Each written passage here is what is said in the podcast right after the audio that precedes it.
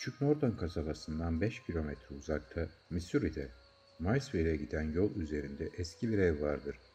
En son Harding ailesinin oturduğu bu evde 1886'dan beri ne bir yaşayan ne de buna niyeti olan var. Civar sakinlerinin sırt çevirişi ve zaman onu seyirlik bir virane haline getirmiş. Ama yine de bölgeye yayılmış tüm kötü ünlene rağmen dışarıdan bakan biri eğer geçmişini bilmiyorsa ona perili ev demezdi. Pencerelerinde camı yok. Eşikleri kapısız, ahşap çatısında büyük gelikler açılmış ve dış kaplaması boyasızlıktan boz renge dönmüş. Fakat doğaüstülüğünün tüm bu şaşmaz işaretleri yapının tamamını boydan boya kaplayan geniş bir asmanın bereketli yeşilliği tarafından örtülmüş ve kısmen silikleşmiş durumda. Hiçbir bitki bilimcinin türünü tahmin edemeyeceği bu asmanın evin öyküsünde önemli bir rolü var.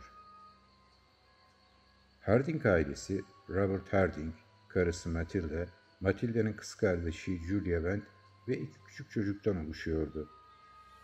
Robert Harding etraftaki kimseyle arkadaşlık kurmamış, görünüşe bakılırsa bunu çok da umursamamış. Soğuk ve sessiz bir adamdı. Kırklı yaşlarında tutumlu ve çalışkan biriydi. Hayatını şimdilerde her tarafını yabani bir ottan ve çalı kaplamış olan küçük bir tarladan kazanıyordu. O ve karısının kız kardeşi birlikte fazla görüldüklerini düşünen komşuları tarafından mimlenmişlerdi. Gözetlenmeye açıkça meydan okumak o zamanlar pek mümkün olmadığından bu durum çok da onların hatası sayılmazdı. Kırsal bir bölge olan Missouri'nin ahlak kuralları katı ve titizdir.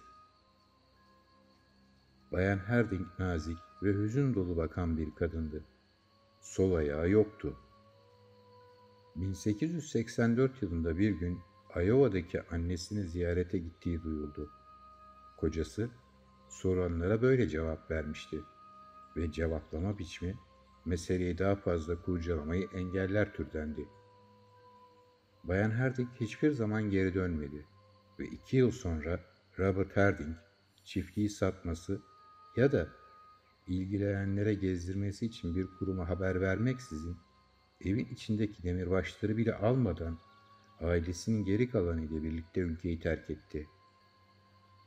Nereye gittiklerini hiç kimse bilmiyordu. O zamanlar kimsenin de umurunda değildi.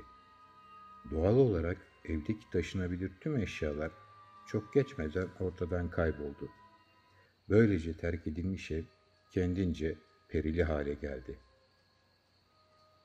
4-5 yıl sonra bir yaz akşamı Nortonlu saygıdeğer J. Graber ve Hyde adında Maysville'li bir dava vekili at sırtında yolculuk ederlerken Harding'lerin evin önünde karşılaştılar. Konuşmaları gereken bir iki iş meselesi olduğu için hayvanlarını bağladılar ve sundurmaya oturup sohbet etmeye başladılar. Aralarında evin karanlık ününü ima eden komik bir iki söz geçse de bunlar söylenir söylenmez unutuldu ve neredeyse hava kararana dek işten konuşmaya devam ettiler. Akşam bunaltıcı derecede sıcak, hava durgundu. Birdenbire iki adam da şaşkınlık içinde yerinden fırladı. Evinin kısmını tamamen kaplamış ve dallarını sundurmanın kenarından üzerlerine sarkıtmış koca bir asma, her bir sapı ve yaprağını gözle görülür ve duyulur bir şekilde titreterek sallanıyordu. Fırtınaya yakalanacağız diye bağırdı Hyde. Grover hiçbir şey söylemedi. Yalnız sessizce bitişikteki ağaçları işaret etti.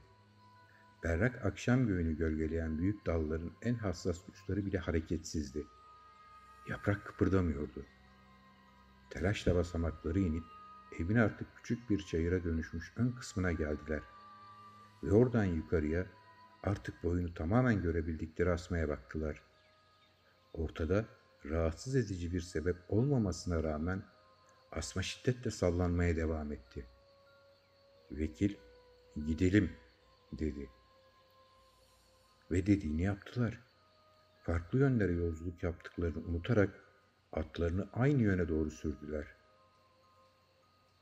Norton'a gittiler ve başlarına gelen bu tuhaf olayı ağızları sıkı bir iki arkadaşlarıyla paylaştılar. Ertesi akşam aynı saatlerde adları bilinmeyen iki kişinin eşliğinde Herdinglerin sundurmasına geldiler ve gizemli olay tekrar gerçekleşti.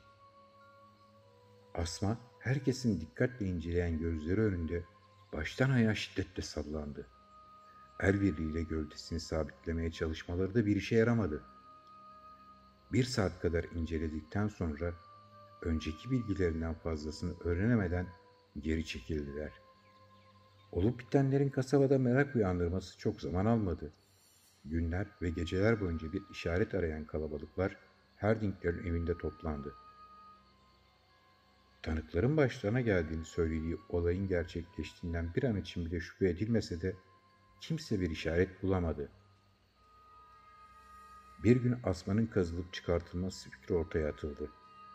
Parlak bir fikir mi yoksa yıkıcı bir tasarım olduğu belli değildi.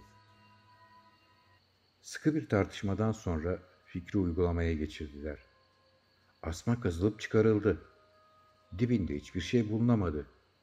Fakat öyle bir kökü vardı ki herhalde dünyadaki hiçbir şey bu kökten daha garip olamazdı. Asmanın kökü toprağın yüzeyinde bulunan 5-10 santim çapındaki gövdesinden 1,5-2 metre aşağıdaki gevşek ve ufalanan bir toprağa doğru yalın ve dümdüz uzanıyordu. Daha sonra ikiye bölünüyor ve bölünen kökler de kendi içlerinde küçük köklere, tellere ve ipliksi uzantılara ayrılıyordu. Etraflarındaki topraktan dikkatlice kurtarıldıklarında tüm bu uzantılar apayrı, tekil bir şekle benzedi. Dallanıp budaklanarak kendi içinde çoklu köklere ayrılıp bükülerek sıkı örülmüş bir ağ oluşturmuşlardı.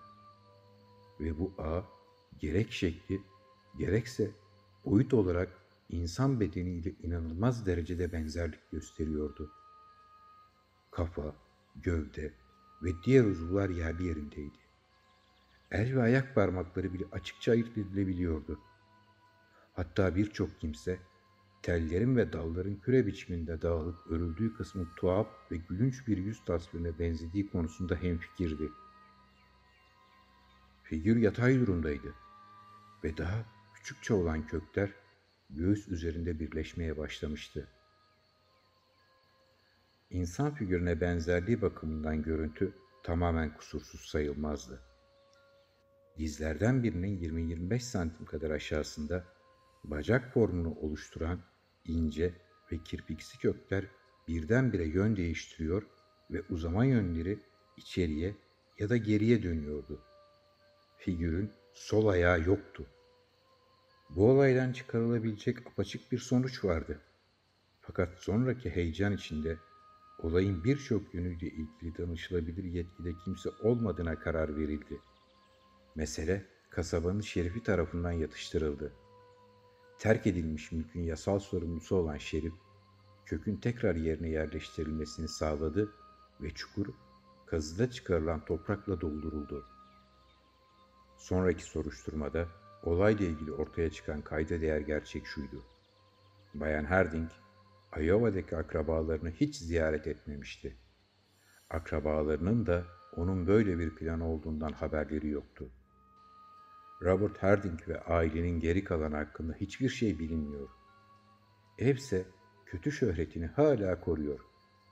Fakat tekrar dikilen asma, cırcır böceklerinin öterek eski bir giz döktüğü ve uzaktaki çoban aldatanın da konuyla ilgili fikrini belirttiği güzel mi güzel bir gecede tıpkı sinirli birinin altında oturmayı dileyecek bir bitki gibi iyi huylu ve uslu artık.